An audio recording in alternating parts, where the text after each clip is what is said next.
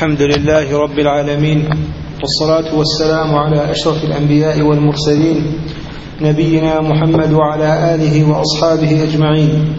اللهم اغفر لنا ولشيخنا وللحاضرين والمستمعين يا رب العالمين.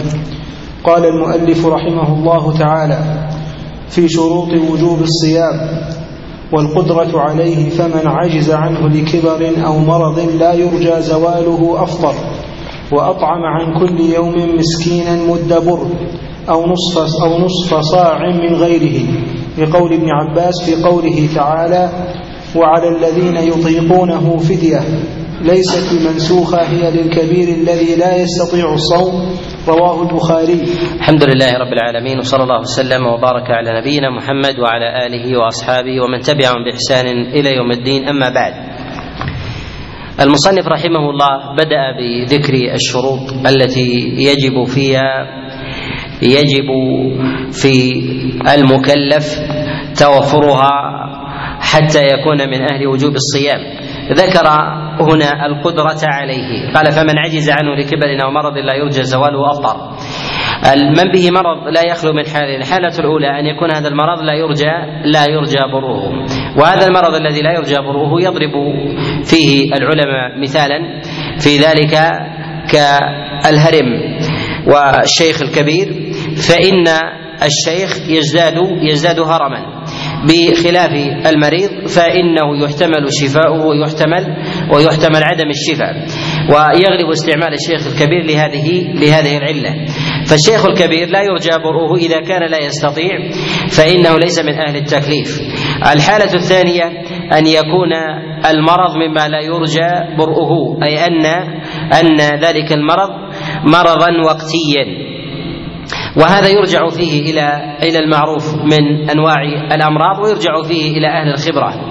فمن كان مريضا فعدة من أيام أخر يعني لمن كان مستطيعا ويكون هذا المرض ويكون المرض الذي نزل بالإنسان ليس مرضا ليس مرضا مستديما.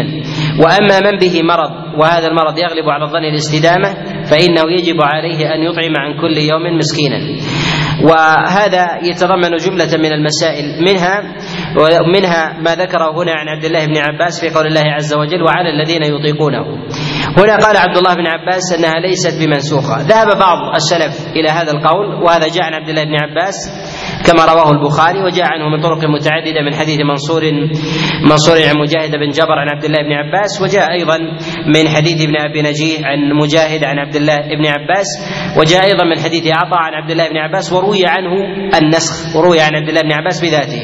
وقال بعدم النسخ جماعة كسعيد بن المسيب فيما يرويه عنه عبد الرحمن بن حرملة عن سعيد بن المسيب أنه قال ليست بمنسوخه هي في الشيخ الكبير والمرأة. و والمرأة الحامل. وهذا في قوله وعلى الذين يطيقونه يعني من استطاع الصيام ولكن مع مشقة. وهذه المشقة هي التي منعته من الصيام. قالوا يجب عليه يجب عليه الإطعام ولا يجب عليه القضاء. من العلماء من حمل هذا المعنى على الشيخ الكبير خاصة ومنهم من ألحقه بكل بكل مريض. بكل مريض يطيق الصيام أو به عذر يطيق معه الصيام ولكن منعه من ذلك من ذلك الحاجة أو الضرورة. قالوا يجب عليه في ذلك يجب عليه في ذلك الإطعام ولا يجب عليه في ذلك القضاء. وهذه المسألة وهي مسألة وهي مسألة ما يقاس على الشيخ الكبير هل يجري في هذه الآية أم لا؟ هذا من المواضع التي اختلف فيها اختلف فيها العلماء ويأتي الكلام عليه. جاءت قراءة في هذه الآية وعلى الذين يطوقونه. يعني يكون ذلك كالطوق في عنق الإنسان مما يشق عليه فيشق عليه حينئذ الصيام. جاءت هذه القراءة عن عبد الله بن عباس. جاءت من حديث مجاهد وكذلك عطاء عن عبد الله بن عباس. عليه رضوان الله تعالى أنه قرأ هذه الآية على هذا النحو وعلى الذين يطوقونه. يعني يشق عليهم يشق عليهم الصيام. وروي ذلك أيضا عن عكرمة وعن مجاهد بن جبر وغيرهم من المفسرين أنهم قرأوا هذه الآية على هذا النحو. ومنهم من لم يرجح هذه القراءة ومنهم من مال إلى ومنهم من مال إلى ترجيحها. والشيخ الكبير جاء في ذلك عن عبد الله بن عباس مما يتضمن الرفع كما رواه الدار قطني في كتابه السنن من حديث عطاء عن عبد الله بن عباس أنه قال في قول الله عز وجل وعلى الذين يطيقونه قال هي في الشيخ قال هي في الشيخ الكبير. الشيخ الكبير الذي يستطيع الصيام كحال كبار السن ولكن ينصح بعدم الصوم حفاظا على صحته. وهذا الذي يطيق وهذا يجب عليه أن يطعم عن كل يوم مسكينا. ومن المسائل المتعلقة في ذلك هي الإطعام وقدره. الإطعام في كلام الله عز وجل جاء عن غير واحد من المفسرين كما قال ذلك مجاهد بن جبر كما رواه ابن جرير الطبري أن كل إطعام في كلام الله فهو نصف صاع. كل إطعام في كلام الله في كل كفارة فهو نصف صاع. وذلك في كفارة القاتل وكفارة الظهار وكذلك أيضا اليمين وكذلك أيضا في الفدية في الفدية هنا. والنصف الصاع والنصف الصاع يؤخذ ويكال بالصاع ولا يقاس بالموازين الحديثة. وذلك أنها تتباين بحسب بحسب نوع الطعام. فإن الحنطة تتباين من جهة حجمها فإنها إذا عظمت حجما قلت قلت من جهة وعظمت حجما زادت من جهة الوزن. وإذا صغرت حجما فإنها فإذا صغرت حجما قلت من من جهة الوزن. كذلك أيضا فإن الأرز يتباين وغير ذلك من جهة وضعه وضعه في الصاع. وذلك بحسب وزن وزن وزن تلك ذلك الطعام فإنه يتباين من جهة خفته ونحو ذلك فقد يملأ الصاع كيلوين من بعض الأطعمة وقد يملأه ثلاثة كيلو لهذا يرجع فيه إلى المقدار إلى المقدار الذي حده في ذلك في ذلك الشارع. أما بالنسبة للحامل والمرضع وهم يقيسون عليه هذه هذه الآية قالوا هي تطيق. هي تطيق الصيام ولكنها تمتنع عن الصيام لعلة وهذه العلة قالوا هي تشابه الشيخ الكبير. والحامل والمرضع قد اختلف فيها العلماء على ثلاثة أقوال. اختلفوا في ذلك على ثلاثة أقوال. القول الأول قالوا بأنها كحال الشيخ الكبير يجب عليها الإطعام يجب عليها الإطعام فقط ولا تقضي. وهذا القول قال به أبو حنيفة وجاء أيضا عن عبد الله بن عباس وعبد الله وعبد الله بن عمر عليهما عليهما رضوان الله بإسناد بإسناد صحيح كما رواه ابن أبي شيبة وكذلك البيهقي بإسناد بإسناد صحيح. والقول الثاني قالوا إن الحامل والمرضع إن الحامل والمرضع يجب عليهما القضاء والإطعام. يجب عليهما القضاء والإطعام. وإنها تدخل في باب الإطعام في حال الشيخ الكبير. وأما القضاء باعتبار أنها أنها في حكم المريض. وذلك أن الله عز وجل يقول فعدة من أيام أخر وهي مما تدرك مما يدرك ذلك ذلك التكليف. فيجب عليها أن تأتي أن تأتي بالقضاء. وهذا القول ذهب إليه جماعة وهو قول الإمام أحمد رحمه الله. وجاء هذا عن عبد الله بن عباس وعبد الله بن عمر في رواية أخرى وإسناده عنهما عنهما صحيح وكأنهما قد رجع عن القول عن القول السابق. القول الثالث وهذا الذي ذهب إليه وهذا الذي ذهب إليه جمهور العلماء الذي ذهب إليه جمهور العلماء. قالوا إن المرأة الحامل والمرضع قالوا إن المرأة الحامل والمرضع إذا خافت على نفسها فإنها في حكم المريض. وإذا خافت على ولديها إذا خافت على ولدها فإنها لم تفطر لأجل نفسها وحظ نفسها وإنما لحظ غيرها. وذلك أن الحامل والمرضع الحامل تخشى على ولدها من قلة الطعام من قلة الطعام أن يصل إليه وعدم در لبنها فتطعم. حتى يستفيد الابن لا أن تستفيد هي. كذلك أيضا بالنسبة لي كذلك أيضا بالنسبة للمرضع. وهذا قالوا يفرق بين بين الحالين. قالوا إذا كانت تخاف على ولدها فإنه يجب عليها الإطعام. وأما إذا كانت تخاف على نفسها فإنه يجب عليها في ذلك في ذلك القضاء. والمترجح في ذلك نعم. نعم لا لا. و وهذه المسألة في مسألة الحامل والمرضع. الصواب في ذلك أن الحامل والمرضع إذا أفطرتا خوفا على نفسيهما أو خوفا على ولديهما أن الأمر في ذلك سواء. أن الأمر في ذلك سواء فإنه يجب فيه يجب فيه القضاء. وأما بالنسبة للمريض وأما بالنسبة للمريض فلا خلاف عند العلماء فيه.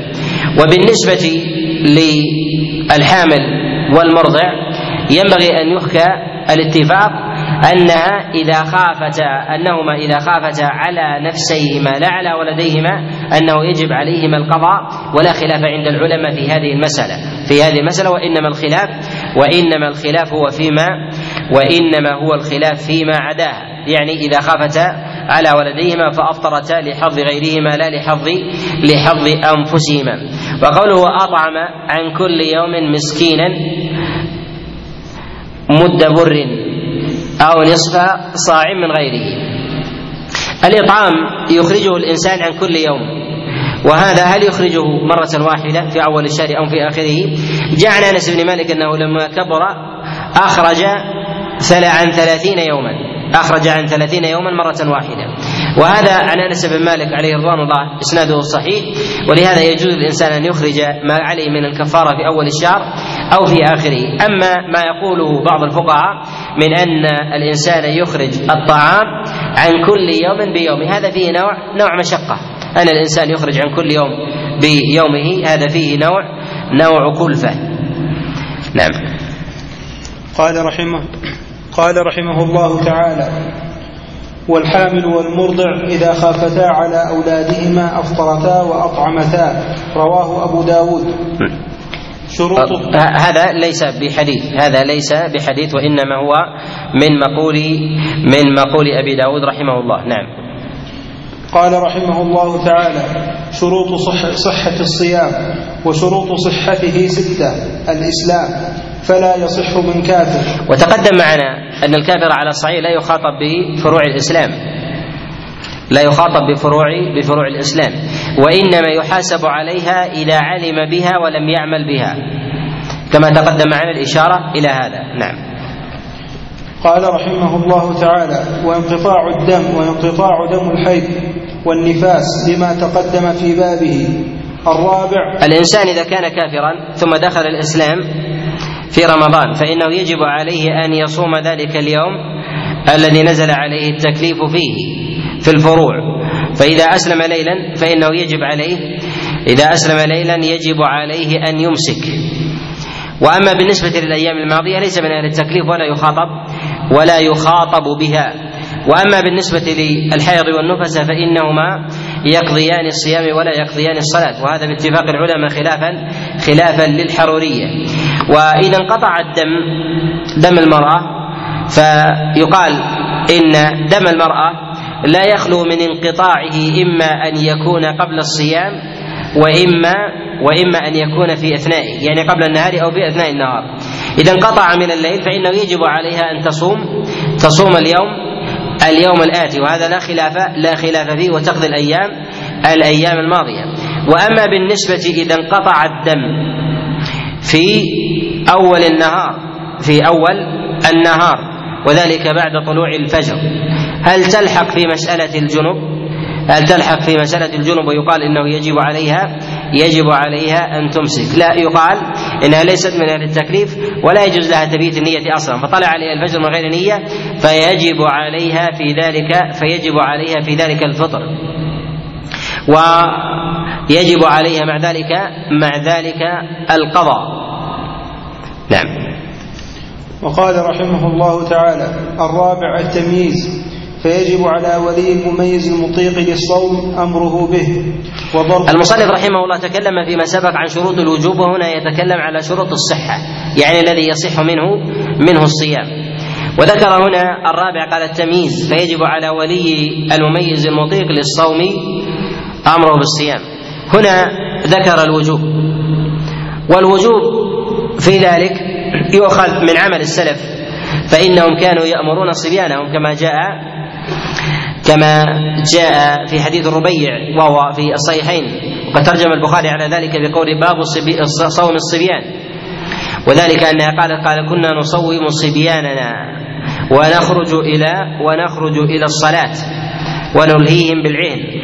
وهذا وهذا أنهم يصومون. أما مسألة الوجوب فلا يظهر أن ذلك واجبا. فلا يظهر أن ذلك واجبا على على ولي الصبي. وإنما يستحب له أن يعلمه أن يعلمه ذلك. وقد كانوا يصومون في زمن في زمن النبي عليه الصلاة والسلام. وقد جاء في البخاري معلقا عن عمر بن الخطاب عليه رضوان الله تعالى أنه رأى رجلا ثملان سكران في نهاية رمضان فقال للمنخرين وللفم. وصبياننا صيام. أي أنك كيف تفعل هذا؟ والصبيان لدينا والصبيان لدينا يصومون. وقد علقه البخاري ووصل غيره بإسناد صحيح. ويقيسون ذلك أيضا على الصلاة كما هو في ظاهر قول المصنف قياسا على الصلاة. الأدنى لا يقاس على على ما هو أولى منه لظهور الفارق بين الصلاة والصيام. لظهور الفارق بين الصلاة والصيام وإنما يقاس عليه من جهة الاستحباب أما الوجوب فلا. وذلك للبون بين مقدار الصلاة وفضلها وكذلك أيضا وكذلك أيضا الصيام. الأمر الآخر أن الصلاة جاءت الأدلة بأمر الولي بأن يأمر الصبي بأداء الصلاة كما جاء في حديث عبد الله بن عمرو أن رسول الله صلى الله عليه وسلم قال مروا أبناءكم بالصلاة وهم أبناء سبع سنين واضربوهم عليها لعشر. وهذا جاء في الصلاة ولم يأتي ولم يأتي الصيام مع النبي عليه الصلاة والسلام صام تسع رمضانات. نعم. قال رحمه الله تعالى الخامس العقد لأن الصوم الإمساك مع النية لحديث لأن الصوم الإمساك عن نية الحديث يدع طعامه وشرابه من أجله فأضاف الترك إليه وهو لا يضاف إلى المجنون والمغمى عليه. وهذا تقدم معنا في حديث عائشة في قول النبي عليه الصلاة والسلام رفع القلم عن ثلاث وذلك أن المجنون لا يجري عليه القلم لا قلم الحسنات ولا قلم السيئات لا يجري عليه شيء من ذلك. واستثنينا مما ورد عليه الدليل مما ورد عليه الدليل. كمسألة الحج كما في حديث عبد الله بن عباس ويقاس عليه المجنون. فإن المجنون يدرك يدرك من أعماله ما لا يدركه الصبي.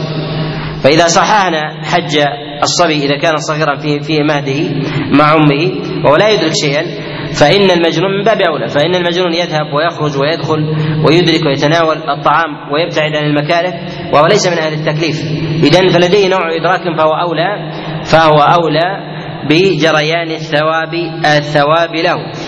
وهنا في قوله العقل وذلك لما تقدم الحديث الأمر الآخر أن المجنون لا تصح منه النية. والنبي عليه الصلاة والسلام يقول كما جاء في الصحيحين من حديث من حديث عمر قال إنما الأعمال بالنيات. كذلك أيضا ما جاء من حديث عبد الله بن عمر وحفصة قال من لم يبيت الصيام النية من الليل فلا صيام فلا صيام له. وهذا لا يمكن أن يصح من مجنون. فإذا فقد العقل لا يصح منه لا يصح منه ذلك. واستدل بهذا بقول يدع طعامه وشرابه من أجله. والاعتبار بالنية مما لا خلاف فيه مما لا خلاف فيه في الصيام. وإنما الخلاف عند الفقهاء في موضعه في موضع النية. هل يجب أن تكون في الليل على الإطلاق؟ جمهور العلماء على أنها في الليل. وهذا قول مالك والشافعي والإمام أحمد خلافا لأبي حنيفة إنه يجيز نية الفرض. نية الفرض من النهار. ويستدل بذلك ما جاء في حديث سلم الأكوع وفي الصحيح أن النبي صلى الله عليه وسلم حينما أخبر بيوم عاشوراء قال من كان مفطرا فليمسك ومن كان صائما فليتم فليتم صومه. قال وصح النبي عليه الصلاة والسلام صيام من كان طاعما وكذلك من كان ممسكا ولم ولم يطعم شيئا. وهذا القول قال به بعض الفقهاء من السلف كعمر بن عبد العزيز وغيره. نعم. قال رحمه الله تعالى لكن لو نوى ليلا ثم جن ثم جن ثم جن. ثم جن أو أغمي عليه جميع النهار فأفاق منه قليلا صح صومه لوجود الإمساك فيه. قال في الشرح يقول هنا لكن لو نوى ليلا ثم جن. أو أغمي عليه جميع النهار فأفاق منه قليلا صح صومه لوجود الإمساك فيه. نقول إن من نام طول النهار أو أغمي عليه طول النهار إذا لم يدرك شيئا من ذات العمل فإن فإن ذلك العمل لا يصح منه لأنه تحقق منه من غير نية. أما وجود النية قبل مباشرة العمل فيثبت فيها الأجر ولا يثبت فيها العمل. وفرق بين بين الحالتين.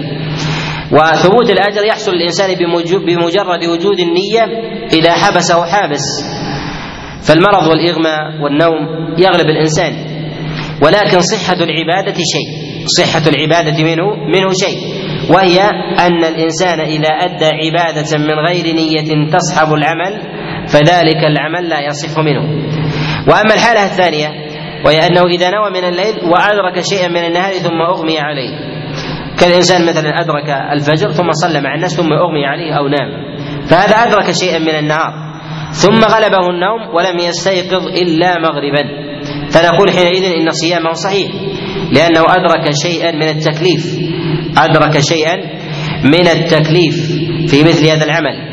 وصيامه حينئذ صحيح على قول على قول جمهور جمهور العلماء وهو مذهب الإمام أحمد وكذلك وكذلك أبي حنيفة وذهب إليه جماعة من الفقهاء من الشافعية والمالكية. نعم. قال رحمه الله تعالى قال في الشرح ولا نعلم خلافا في وجوب القضاء على المغمى عليه أي جميع النهار لأنه مكلف بخلاف المجنون ومن نام جميع النهار صح صوته وفرق بين النائم والمغمى عليه والمجنون وذلك أن المجنون ليس من أهل التكليف لأن جنونه باقي. بخلاف المغمى عليه فإن ذلك من العوارض الأهلية التي طرأت عليه. فالعارض الذي طرأ عليه يزول. بخلاف المجنون فالجنون باقي. فإذا ارتفع جنونه لا يجب عليه أن يقضي ما مضى لأنه ليس من أهل التكليف. والمغمى عليه هو من أهل التكليف أصلا ورفع التكليف عنه. ولهذا قال النبي عليه الصلاة والسلام رفع القلم. والقلم يرفع بعد أن كان موضوعا. ولكن جرى هذا على جرى جرى هذا على التغليب في حديث عائشة في مسألة في مسألة الصبي وكذلك النائم في مسألة الصبي في جريانه في جريانه على الحسنات وعدم جريانه على السيئات ورفع عن السيئات وبقي على الحسنات وبالنسبة للنائم رفع عن رفع عن الحسنات والسيئات إلا من احتسب نومته فإنه يؤجر يؤجر عليها. فغلب وضع القلم على أمثال هذه ورفعه عن القلة فجرى على التغليب نعم. قال رحمه الله تعالى ومن نام جميع النهار صح صومه لأن النوم عادة ولا يزول به الإحساس بالكلية والصواب في ذلك أن صومه لا يصح. إذا نام النهار كله كما تقدم كما تقدم الإشارة إليه. وذلك أن النية يجب أن تصاحب العمل. مع وجوب سبقها له. مع سبقها له. ولهذا الله سبحانه وتعالى يقول وما أمروا إلا ليعبدوا الله مخلصين له الدين. فجعل الإخلاص مقترنا بالعمل وهو العبادة. وقال النبي عليه الصلاة والسلام كما جاء في الصحيحين من حديث عمر قال إنما الأعمال بالنيات. إنما الأعمال بالنيات. أما بالنسبة لثبوت الأجر فهذا شيء آخر يثبت بمجرد النية بمجرد النية. أما بالنسبة آه، أما بالنسبة لصحة العمل فلا يثبت إلا بسبق النية للعمل ووجودها في أثناء العمل ولو شيئا يسيرا. الشرط الثالث عدم وجود ما يناقضها وهذه شروط في النية ثلاثة. الشرط الأول أن تكون سابقة للعمل أن تكون سابقة للعمل لا تأتي لا تأتي بعده لا تأتي بعده.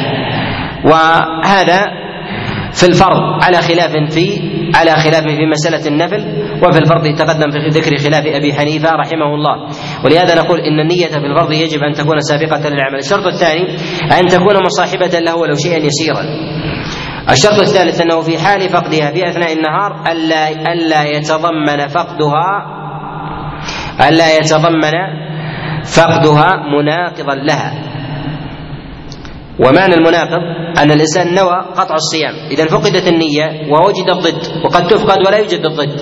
ولهذا لا بد من توفر هذا حتى حتى يعتبر بالنية. والنية محلها القلب. النية محلها القلب. وهي مشتقة من النوى. والنوى هو في جوف الثمرة. النوى في جوف الثمرة ومنه اشتق استعمال النية والجهر بها مخالف لأصلها ومعناها. وكذلك لم يثبت عن النبي عليه الصلاة والسلام أنه جهر بنيته في شيء من في شيء من أركان الإسلام. نعم. قال رحمه الله تعالى السادس النية. النية من الليل لكل يوم واجب. لحديث حفصة أن النبي صلى الله عليه وسلم قال من لم يبيت الصيام من الليل فلا صيام له رواه أبو داود. هذا الحديث الذي ذكره المصنف رحمه الله حديث حفصة ويرويه عن عبد الله بن عمر. هذا مما وقع في وصله ورفعه خلاف. رواه الإمام أحمد وأبو داود من حديث عبد الله بن أبي بكر عن ابن شهاب الزهري عن سالم بن عبد الله بن عمر عن أبيه عن حفصة عن رسول الله صلى الله عليه وسلم. وعبد الله بن أبي بكر وإن كان من الثقات وقد رواه عنه جماعة كعبد الله بن لهيعة وكذلك الليث بن سعد وغيرهم. خولف فيه عبد الله بن أبي بكر ورواه الثقات وجعلوه موقوفا جعلوه موقوفا على عبد الله بن عمر. رواه عبيد الله بن عمر العمري وعبد الرحمن المدني ومعمر بن راشد آه، ورواه عبيد الله بن عمر كما عند النسائي ومعمر بن راشد كما رواه عبد الرزاق في كتابه المصنف وعبد الرحمن المدني كما رواه البخاري في كتابه التاريخ كلهم يروونه عن ابن شهاب الزهري. يروونه عن ابن شهاب الزهري عن سالم بن عبد الله بن عمر عن عبد الله بن عمر موقوفا عليه. والصواب في ذلك الوقف. وخطأ غير واحد من الحفاظ الرفع. كما نص على ذلك البخاري فإنه قال الرفع خطأ. وذكر ذلك أيضا ورجحه الترمذي وأبو حاتم والإمام أحمد وغيرهم من العلماء. من العلماء مال إلى صحته مرفوعا وهذا ظاهر. كلام الدار قطني فإنه قال رفعه عبد الله بن أبي بكر وهو من الثقات الرفع. والصواب في ذلك الوقف.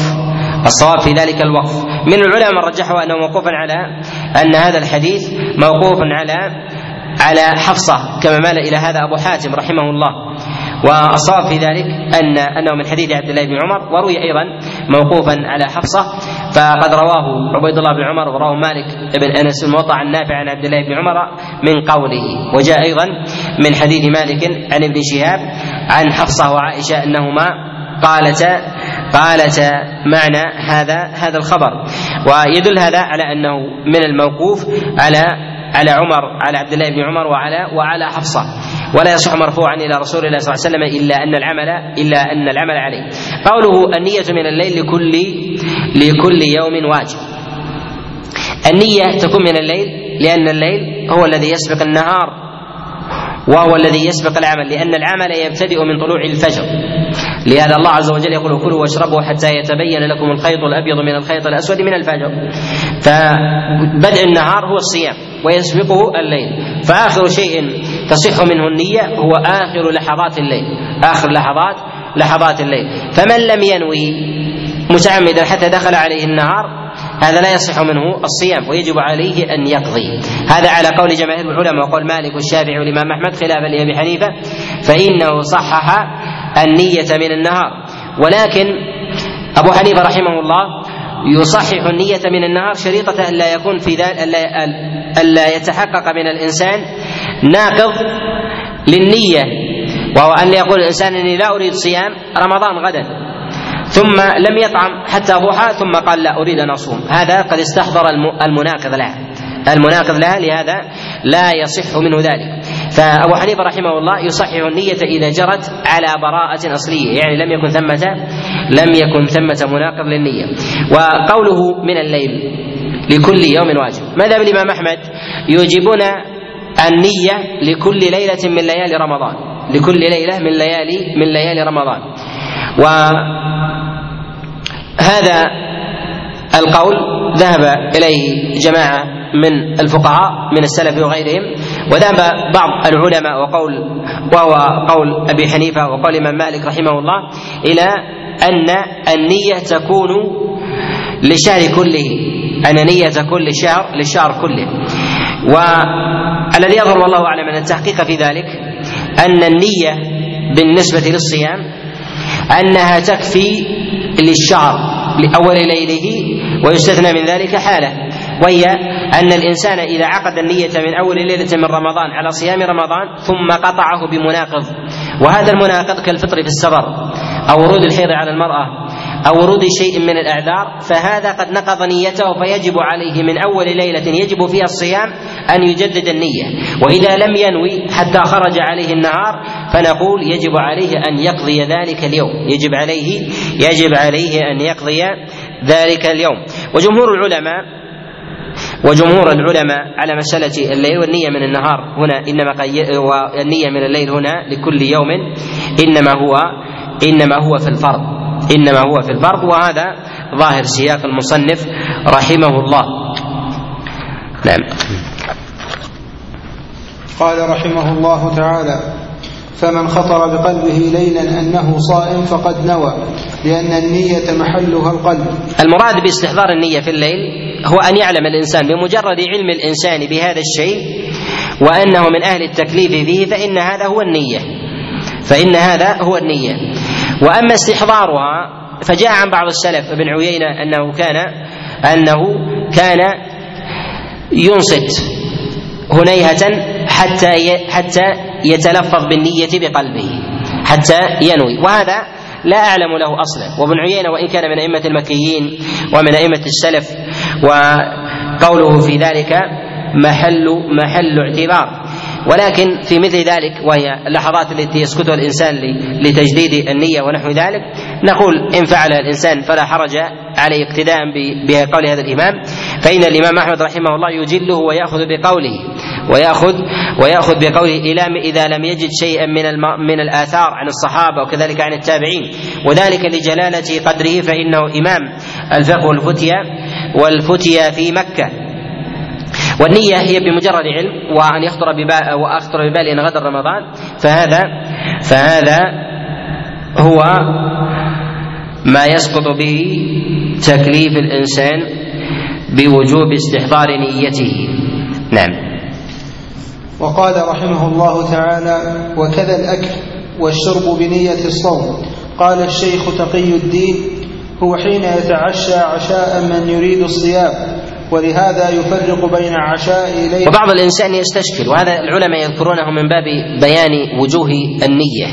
وجوه النية الأمور الظاهرة التي تدل على على علم الإنسان في هذا هو أن يكون ثمة علامات. وهذه العلامات أن الإنسان يشتري طعاما لرمضان.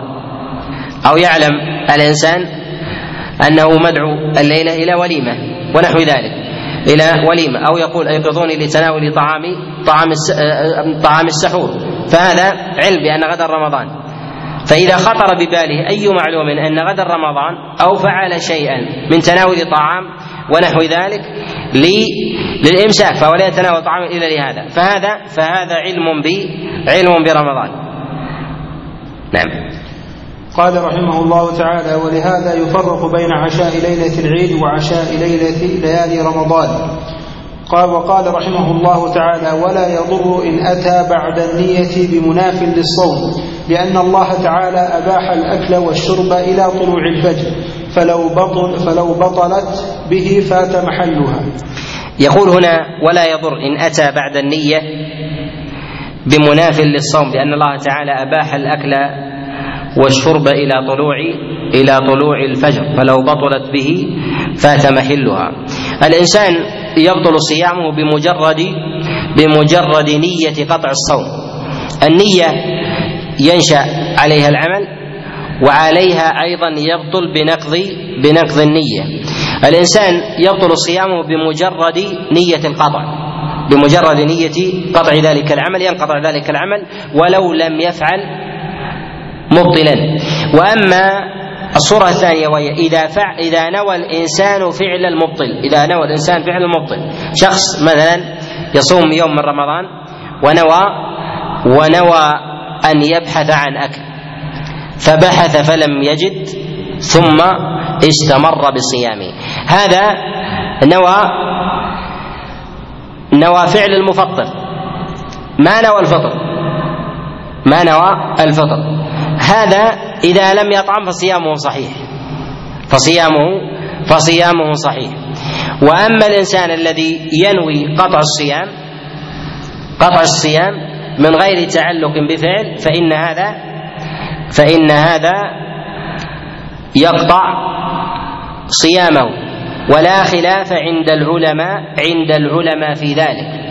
والمنافي للصوم إذا عقد الإنسان إذا عقد الإنسان النية وجاء بمنافي من حيث لا يشعر نقول إن عدم شعور الإنسان بالإتيان بما يناقض الصيام فإن ذلك فإن ذلك لا يضر لأنه فعله فعله سهوا فعله سهوا. كذلك أيضا إذا جاء بشيء من الأمور المناقضة للنية إذا جاء بشيء من الأمور المناقضة للنية بمثلا بالنسيان أو التغافل أو كذلك أيضا بنية الفطر ثم رجع عن تلك النية فإنه يرجع إلى إلى النية الأولى يرجع إلى النية النية الأولى لأن إبطال نية البطلان كاف في إثبات النية النية الأولى. نعم. قال رحمه الله تعالى أو قال إن شاء الله غير متردد كما لا يفسد الايمان بقوله أنا مؤمن إن شاء الله.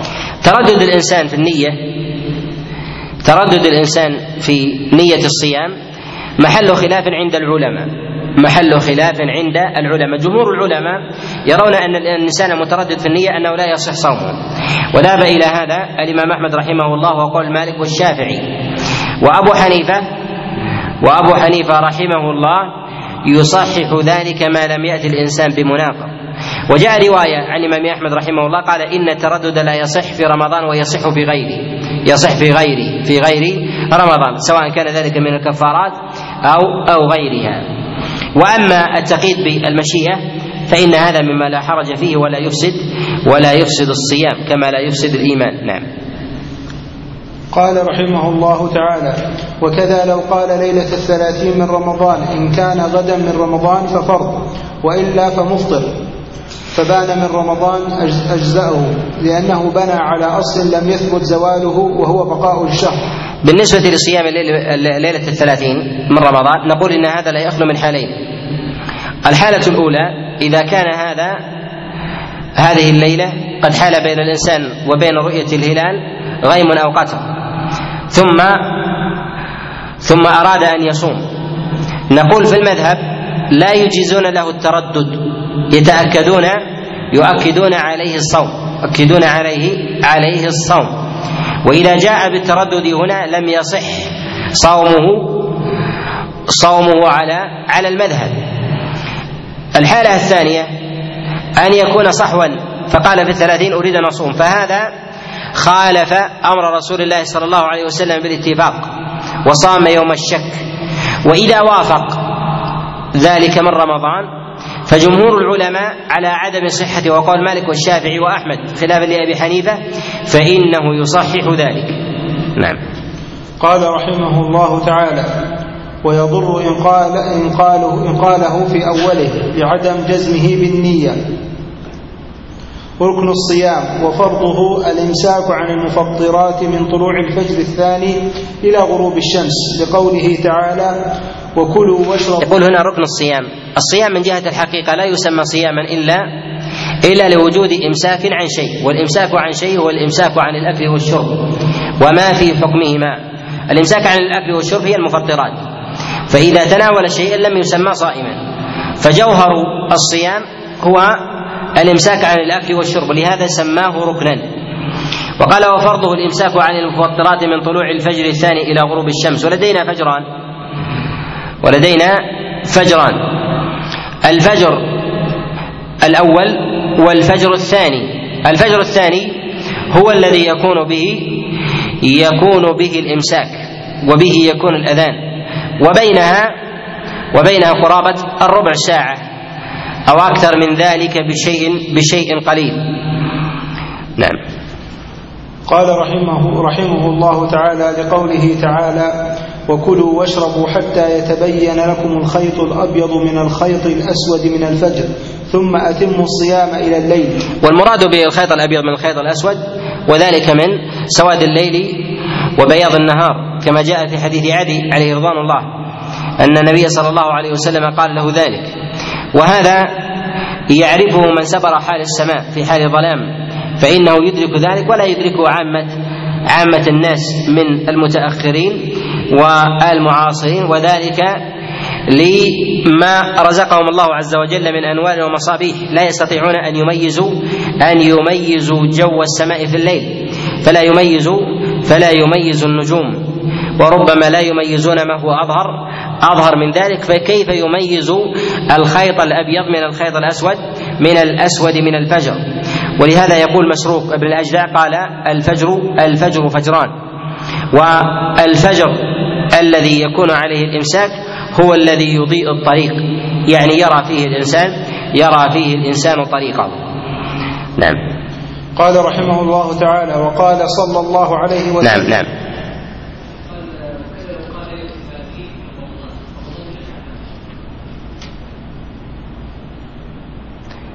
عندكم رمضان ولا شعبان؟ ماشي. نعم. كلكم شعبان. نعم. لأنه قال بعد في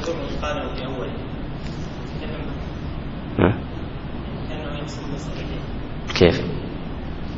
قال كذا لو قال ليلة 30 من رمضان إن كان غدا من رمضان فقط. وإلا فمبتدع يعني بنى على الأصل استصحى الأصل. ويضم إن قاله في أوله مم. يعني في أوله نعم. نعم.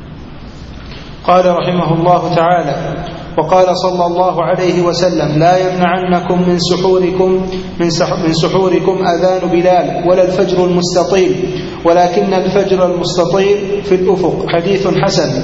وعن عمر مرفوعا إذا أقبل الليل منها هنا وأدبر النهار منها هنا وغرب وغربت, وغربت الشمس وأفطر الصائم متفق عليه. سنن نعم. سنن الصيام.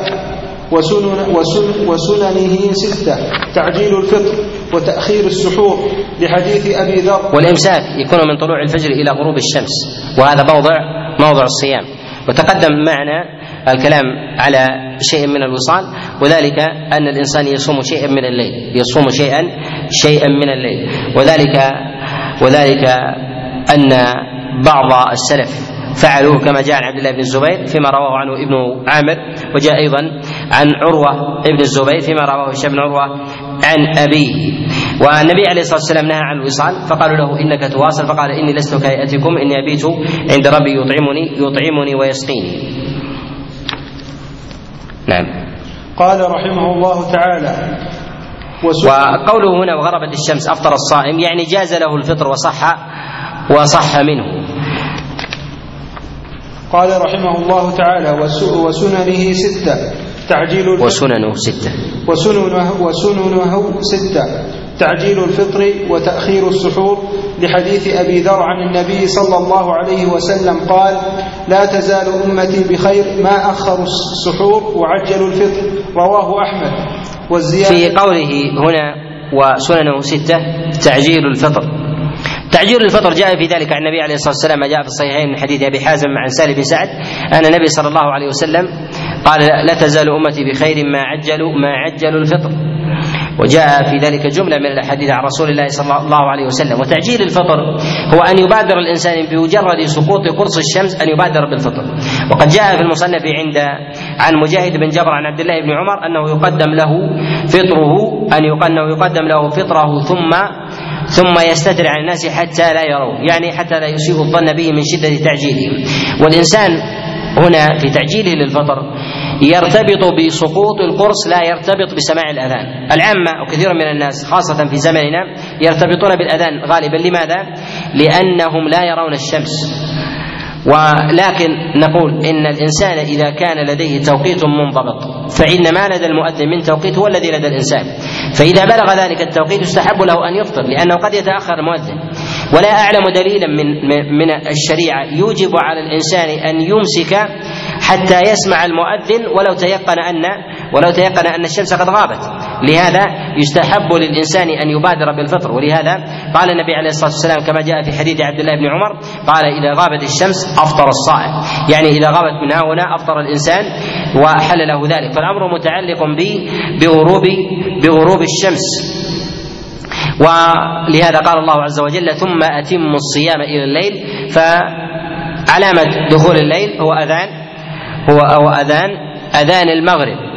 لهذا ينبغي الإنسان أن يبادر بالفطر ولهذا رسول الله صلى الله عليه وسلم يعجل الفطر ويعجل الصلاة يعجل الفطر ويعجل الصلاة كما جاء في حديث مسروق بن أجدع أنه دخل على عائشة عليه رضوان الله تعالى ورجل فسألها فقال قال لها إن أحد أصحاب رسول الله صلى الله عليه وسلم يعجل الصوم يعجل الفطر ويعجل الصلاة وآخر يعجل الفطر ويؤخر الصلاة فقيل لهم فقيل فقالت من الذي يعجل الفطر ويعجل الصلاة؟ فقالت ابن مسعود فقال هذا صنع رسول الله صلى الله عليه وسلم وعمل اخر فهو فهو أبو موسى عليهما رضوان الله تعالى. ويستحب الإنسان تعجيل الفطر وأما قوله وتأخير السحور. تأخير السحور جاء عن النبي عليه الصلاة والسلام عملا ثبت عملا أما امرا كحال وبيان فضلا كحال كحال الفطر نقول لم يثبت عن النبي عليه الصلاة والسلام في ذلك شيء. وأما حديث أبي ذر الذي أشار إليه المصنف هنا فإنه قد رواه الإمام أحمد في كتاب المسد من حديث عبد الله بن لهيعه عن سالم بن غيلان عن سليمان عن عدي بن حاتم عن أبي ذر عن رسول الله صلى الله عليه وسلم والحديث معلول بعلل فان فإنه قد تفرد به عبد الله بن لهيعه ويرويه سالم عن سليمان عن عدي وسليمان وعدي هم من المجاهيل. والسحور إنما سمي سحورا لوقوعه في الليل. والليل هو اشتداد الظلمة وخفاء وما خفي في لغة العرب يسمى يسمى سحرا. ولهذا تقول عائشة عليه رضوان الله كما جاء في الصحيح قال توفي النبي عليه الصلاة والسلام بين سحري ونحري. والسحر هو مجرى الطعام من المري الذي يصل إلى جوف الإنسان. يجري الطعام ولا يرى الإنسان فيسمى سحر. كذلك أيضا السحر يسمى سحرا لأنه لا ترى حقيقته ويرى ويرى الاثر الذي يقع الذي يقع من الإنسان ويسمى سحرا. فالسحور كذلك لأنه يقع من الإنسان في موضع ظلمة فلا يراه فلا يراه أحد فيسمى فيسمى سحورا. وأما أمر النبي عليه الصلاة والسلام بتأخيره قال جاء ذلك عمل عن رسول الله صلى الله عليه وسلم كما جاء في المسند من حديث أنس بن مالك عن زيد بن ثابت أنهم تسحروا مع رسول الله صلى الله عليه وسلم. قال ثم نذهب إلى الصلاة فقيل له كم كم بين بينهما؟ فقال قدر خمسين آية. وهذا هو مقدار مقدار يسير. والتعجيل في الفطر لا والتعجيل بالفطر لا ينافي التعجيل بالفطر يعني التعجيل بالصلاة. والتأخير بالفطر يعني تأخير الصلاة لمن أفطر بعد بعد غروب الشمس. والسنة هو التعجيل التعجيل التعجيل بهما بهما جميعا. أن يفطر الإنسان بشيء يسير كما جاء النبي عليه الصلاة والسلام أنه يفطر على تمرات. كما جاء في حديث سلمان بن عامر أن النبي عليه الصلاة والسلام أفطر على تمرات. وإذا لم يجد حسى حسوات من ماء يعني هذا فطره يعني قبل الصلاة ثم يذهب إلى الصلاة عليه الصلاة والسلام. و وأما تأخير الصلاة لأجل الطعام فهذا لا أعلمه يثبت في زمن رسول الله صلى الله عليه وسلم ولا في زمن الصحابة. وإنما الأمر بالمبادرة فحالهم في رمضان كحالهم في غير رمضان. كحاله كحاله في غير في غير رمضان. نعم. قال رحمه الله تعالى وجاء وجاء في ذلك في أمر رسول الله صلى الله عليه وسلم بتعجيل الفطر في حديث أم حكيم كما جاء عند الطبراني من حديث حبابة آه، وعن أمها فاطمة وترويه عن صفية عن أم حكيم عن رسول الله صلى الله عليه وسلم أنه قال عجلوا الفطر وأخروا السحور وهذا أيضا منكر وإسناده فيه مجاهيل. نعم. قال رحمه الله تعالى والزيادة في أعمال الخير من القراءة والذكر والصدقة وغيرها. وهذا جاء رسول الله صلى الله عليه وسلم منه شيء كقراءة القرآن. فإن النبي عليه الصلاة والسلام كما جاء في حديث عبد الله بن عباس أجود الناس بالخير والخير عام في رمضان وأجود ما يكون في رمضان. والنبي صلى الله عليه وسلم يأتيه جبريل في رمضان فيدارسه القرآن في كل رمضان. ولما كان رمضان الذي توفي فيه دارسه فيه مرتين. لهذا يقال إنه ينبغي الانسان أن يكثر من قراءة القرآن في هذا الشهر. فالله عز وجل أنزل فيه القرآن هدى للناس وبينات من الهدى والفرقان. ثم أيضا ينبغي الانسان أن يكثر من الذكر والدعاء والصدقة والنفقة. وهذا مقتضى تعظيم هذا الشهر. فالشيء المعظم سواء كان زمنا أو كان مكانا مقتضى تعظيمه وعظم عظمة الحسنة فيه وعظمة السيئة فيه وإلا لا معنى لا معنى لتعظيمه. نعم. قال رحمه الله تعالى وقوله جهرا إذا شتم إني صائم. لحديث أبي هريرة مرفوعا إذا كان يوم صوم أحدكم فلا يرفث ولا يومئذ ولا يسخر فإن شاتمه أحد أو قاتله فليقل إني امرؤ صائم متفق عليه. وذلك حفظا للإنسان بلسانه أن يسترسل في الباطل وكذلك البغي. وهذا وهذا ما ينبغي أن يكون عليه المؤمن على الدوام ألا يسترسل مع المبطلين في حال السب والشتم والمقاتلة وليقل إني إن كان صائما ويقول إني إني صائم. وهذا في رمضان وفي غيره في رمضان وفي غيره. ويدفع الإنسان وساوس الشيطان التي تطرا عليه من أنه أراد من ذلك رياء. ويستفيد الإنسان من ذلك أشياء في قوله إني صائم أنه يوجد حجة له أوجدها الشارع من عدم الاسترسال والانتصار للنفس مع القدرة على ذلك. الأمر الآخر أنه يحث غيره بأهمية الصوم بأهمية الصوم وأن إطلاق اللسان بالبغي مما يفسد مما يفسد صوم الإنسان كذلك أيضا فإنه ربما عرف غيره بفضل الصوم فربما كان يصوم اثنين وغيره جاهل أو يصوم مثلا يوم عاشوراء أو عرفة وغيره جاهل ونحو ذلك فيذكره بفضل ويعلمه بفضل شيء لم يعلمه. نعم. قال رحمه الله تعالى وقال المجد إن كان في غير رمضان أسره مخافة الرياء واختار الشيخ تقي الدين الجهر مطلقا لأن القول المطلق باللسان. وهذا هو الظاهر أن الإنسان يقول ذلك مطلقا في كل في كل صيام في كل صيام. وأما ترك العمل لأجل الرياء فهذا مكروه لأن الترك والعمل عبادة. فإذا تركته مخافة الرياء تعبدت بهذا الترك. وهذا الفعل حث الشارع على فعله وأنت تركته. وتركك له مناف لاصل لأصل حكمه. والشارع قد جاء بدفع نية السوء ما جاء بترك العمل لأجلها. ما جاء بترك العمل لأجلها. ولهذا قال بعض السلف وهو قول وهو قول فضيل قال ترك العمل لأجل الناس لأجل الناس رياء. والعمل لأجل الناس شرك. والسلامة أن يسلمك الله منهما. نعم. قال رحمه الله تعالى وقوله عند فطره اللهم لك صمت وعلى رزقك أفطرت. سبحانك وبحمدك. اللهم تقبل مني إنك أنت السميع العليم. لحديث ابن عباس وأنس. كان النبي صلى الله عليه وسلم إذا أفطر قال اللهم لك صمنا وعلى رزقك أفطرنا. اللهم تقبل منا إنك أنت السميع العليم. وعن ابن عمر مرفوعا كان إذا أفطر قال ذهب الذهب أولا بالنسبة للدعاء عند الفطر. الدعاء عند الفطر ظاهر الأدلة بمجموعها وظاهر القرآن أنه يستحب للإنسان أن يدعو. وأما ثبوت دعاء معين عن رسول الله صلى الله عليه وسلم لا يثبت في هذا شيء. وأما ما ذكره من حديث من حديث ابن عباس وغيره فقد رواه الدارقطني وغيره من حديث عبد الملك بن عنترة عن أبيه عن جده عن عبد الله بن عباس أنه كان يقول اللهم لك صمنا وعلى رزقك أفطرنا اللهم تقبل منا إنك أنت السميع العليم. وهذا الحديث منكر تفرد به عبد الملك بن عنترة عن أبيه عن جده. وأما حديث أنس بن مالك فيرويه داود بن عن شعبة عن قتادة عن أنس بن مالك عن رسول الله صلى الله عليه وسلم وداود منكر منكر الحديث وقد تفرد به. وما جاء أيضا في حديث عبد الله بن عمر فإنه قد رواه أبو داود في كتابه السنن من حديث الحسين بن واقد عن مروان بن مقفع عن عبد الله بن عمر. وتفرد به الحسين بن واقد عن مروان ومروان مستور وبعض العلماء يستغربه. وإخراج الدار قطني له في كتابه السنن هو هو استغراب لهذا لهذا الخبر. وحديث عبد الله بن عمر هو أمثل شيء في المرفوعات. وجاء مرسل من حديث معاذ بن زهره رواه البيهقي وغيره مرسلا وهو أمثل شيء أيضا جاء في المراسيل فإسناده صحيح عن معاذ.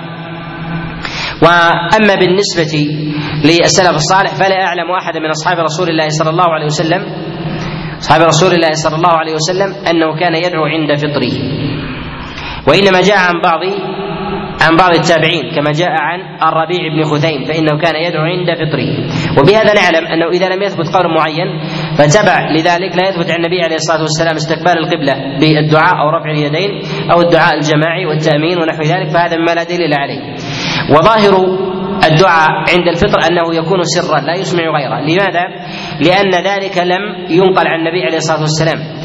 وذلك أنه لو وجد للزم أن ينقل ولو كان في الشيء القليل عنه عليه الصلاة والسلام لأنه نقل ما هو ما هو أقل من ذلك من أكله تمرات وحسوات ومعرفة ترتيب هذا العمل من رسول الله صلى الله عليه وسلم مع أن النبي عليه الصلاة والسلام يكثر الصوم فلم ينقل عنه أزواجه ولا ولا أصحابه شيئا من ذلك. قد صام النبي عليه الصلاة والسلام في حضره وصام أيضا شيئا في سفره عليه الصلاة والسلام. وقوله هنا وفي الخبر ان إن للصائم عند فطره دعوة لا ترد هذا جاء في طرق كثيرة واحاديث كثيرة. فثبوت الدعاء آه، بمجموعه يدل أن لها أصل وثبوت الدعاء شيء وأما ثبوت صيغة معينة فشيء آخر. ثبوت صيغة معينة في شيء آخر. ولعل عدم ثبوت في ذلك شيء من ذلك النبي شيء من ذلك عن النبي عليه الصلاة والسلام أنه كان يدعو ولا يلتزم شيئا شيئا معينا أو كان يدعو ولا يسمع ولا يسمع غيره. ولا يسمع ولا يسمع غيره. ولا حرج على الإنسان أن يرفع آه، بصوته بالدعاء ويسمع من حوله ممن يجهل السنة في ذلك حتى يعلمه أن هذا موضع دعاء كالصبيان الصغار وكذلك الزوجة أو أو نحوهم.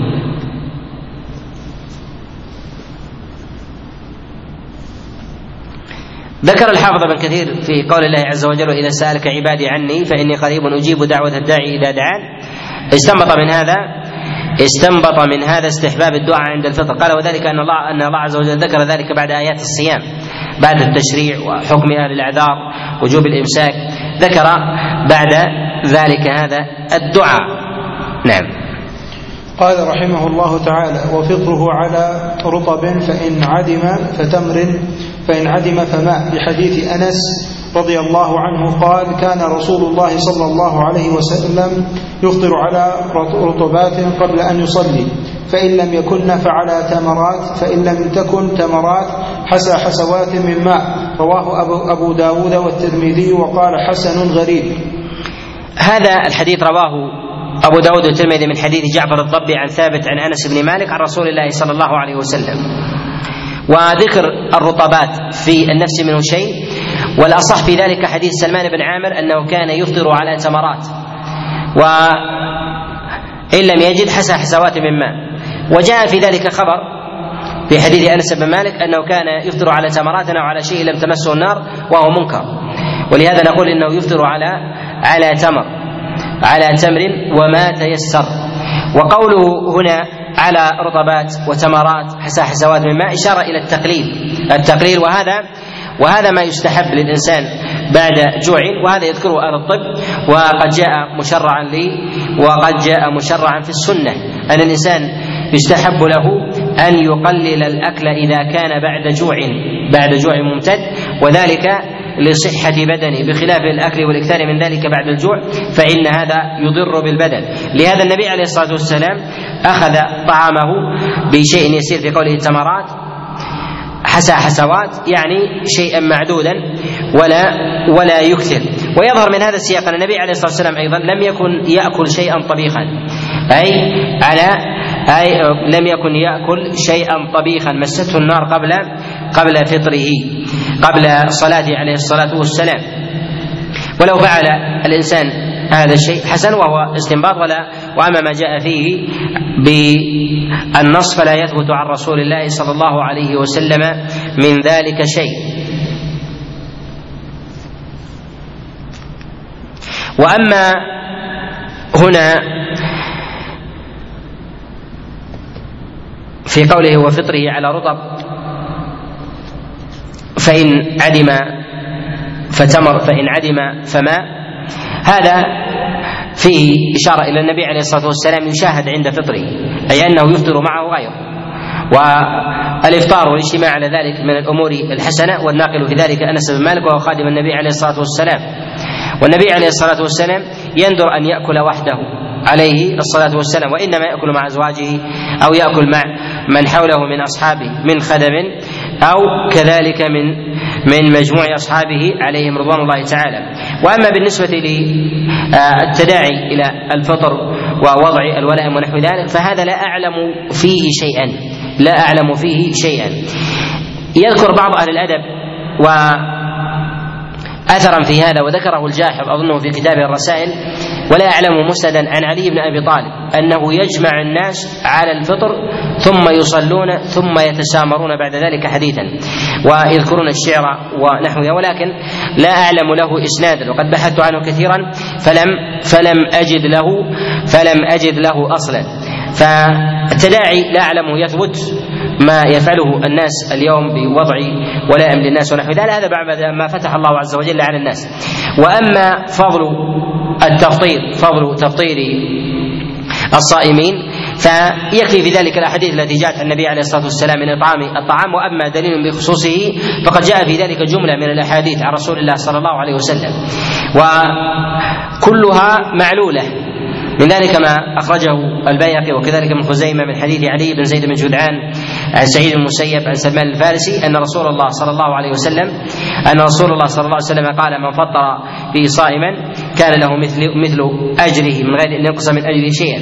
وهذا الحديث منكر لتفرد علي بن زيد بن جدعان به وهو وهو مضاعف وفي حديثه لين كذلك في تفرده لهذا الحديث عن سعيد المسيب مع مع إمامته وجلالة قدره وحفظه ومن أئمة المدينة وله أصحاب كثر ومع أهمية هذا المتن فإنه لم ينقل لم ينقل عنه ذلك. لم ينقل عنه ذلك. ومثل هذا الحديث بما جاء في مضمونه وهو طويل من الأحاديث يقارن أحاديث الأحكام من جهة أهم وجوب عناية الحفاظ الحفاظ به. كذلك أيضا فإن سعيد المسيب لم يسمعه من سلمان الفارسي ولهذا قد أعله غير واحد من الأئمة أعله غير واحد من الأئمة أعله أبو حاتم وكذلك ابن خزيمة رحمه الله في كتابه الصحيح فإنه قال إن صح الخبر وجاء في ذلك أيضا بعض الأحاديث كما جاء في حديث كما جاء في حديث عبد الله بن عباس وجاء أيضا في حديث أبي هريرة عليه رضوان الله تعالى.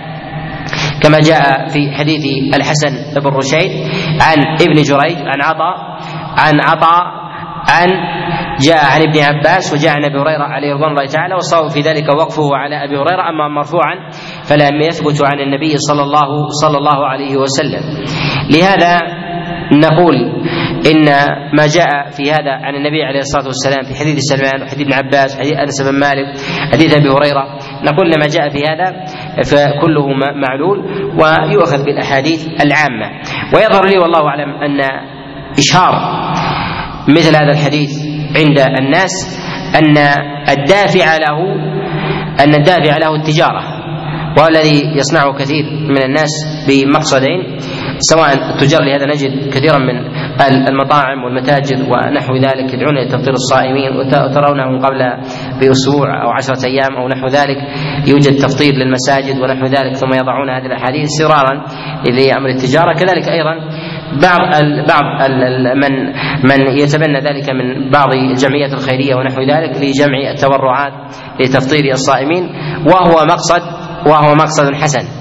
ولكن لو أخذ في ذلك من الأحاديث ثابتة عن النبي عليه الصلاة والسلام من إطعام الطعام وغير وغير ذلك فإن هذا أولى وأحسن من أن يشهر من أن يشهر في الناس. وهذا نظير مسألة العمرة في رمضان.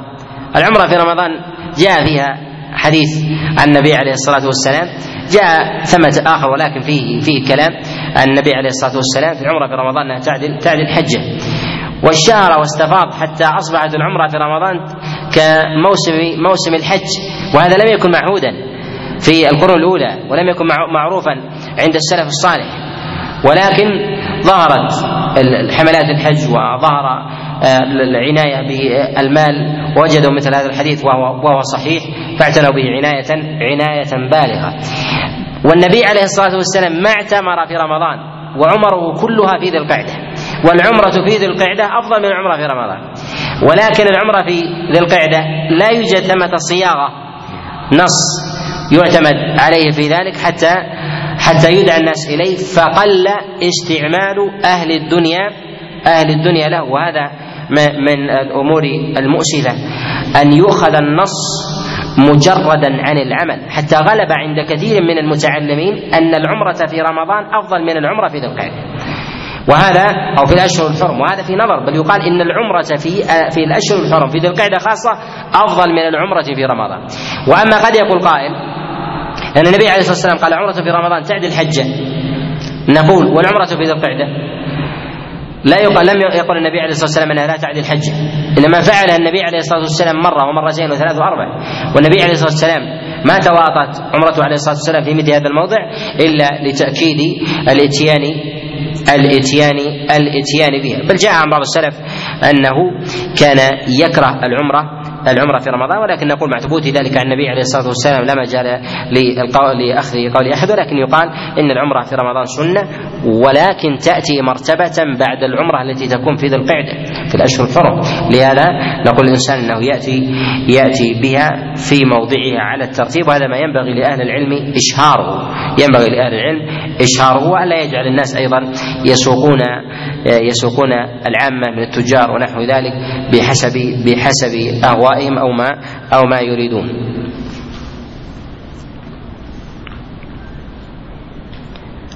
وهنا مسألة تتعلق بمسألة السحور. أرى والله أعلم أن التداعي على السحور أفضل من التداعي على الإفطار وأن تسحير من أراد الصوم أفضل من تفطيره.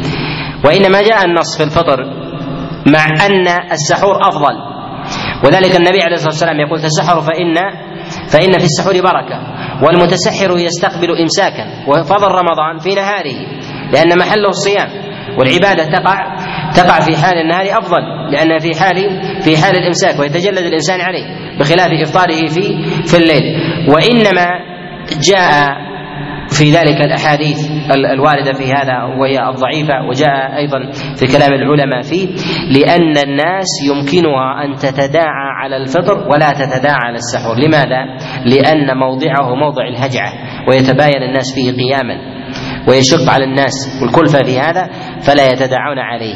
ولهذا نقول إن وجبة الإفطار السحور أفضل من من الإفطار من جهة الأجر والبركة.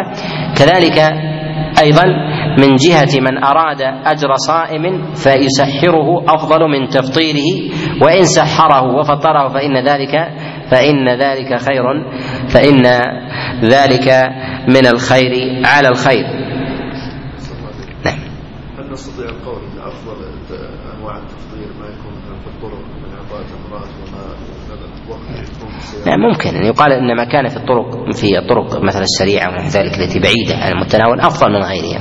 كلما والقاعدة الشرعية أنه إذا عظمت الحاجة إلى الشيء عظم ثواب بذله.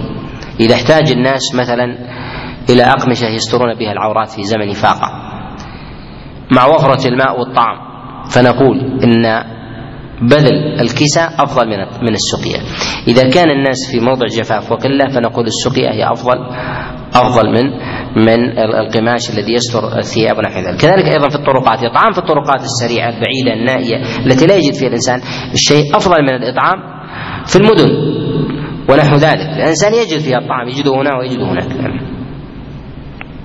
نعم. أنا استيقظ هذا القول أن الصائم أشد حاجة الفطر من السحور فالتفطير أعظم من يسحر الصائم يقول هل الإنسان يحتاج إلى الفطر أكثر أم يحتاج إلى السحور؟ نقول يحتاج إلى الفطر لنفسه ويحتاج إلى السحور لربه لأنه يتسحر ليمسك ويفطر لبدنه ولهذا نقول إن إن السحور أفضل لماذا؟ لأنه يستقبل عباده عبادة أفضل مما يستقبلها في حال في حال الفطر. في حال الفطر. ولهذا الإنسان ربما يزهد في وجبة السحور. لماذا؟ لأنه طعم قبل ذلك. ولكن النبي عليه الصلاة والسلام حث على ذلك قال فان فإنها بركة. ما هي البركة المقصودة في هذا الحديث؟ حديث أنس بن مالك. المقصود بالبركة هو ما يأتي من زيادة عمل وقوة نشاط للإنسان يفعله في النهار. من صلاة وصيام وصدقة، أما الإنسان الذي لا يتسحر أو طعم مبكرا ونحو ذلك يتثاقل ويجد في في نفسه ضعف ونحو ذلك هذا ضعفت البركة البركة فيه. ولهذا الإنسان المبارك الذي يعمل الكثير في الوقت القليل. ولهذا النبي عليه الصلاة والسلام قال فإن فيها بركة يعني تعين الإنسان على كسب العمل العمل الكثير. لهذا نقول إن الإنسان إذا تسحر يستقبل امساكا والنهار أفضل من الليل وعبادة النهار أفضل من عبادة الليل في في في نهار رمضان. وإذا أفطر فإنه يستقبل فإنه يستقبل ليلا. وعبادة تختلف عن عبادة النهار. نكتفي بهذا القدر وصلى الله وسلم وبارك على نبينا محمد.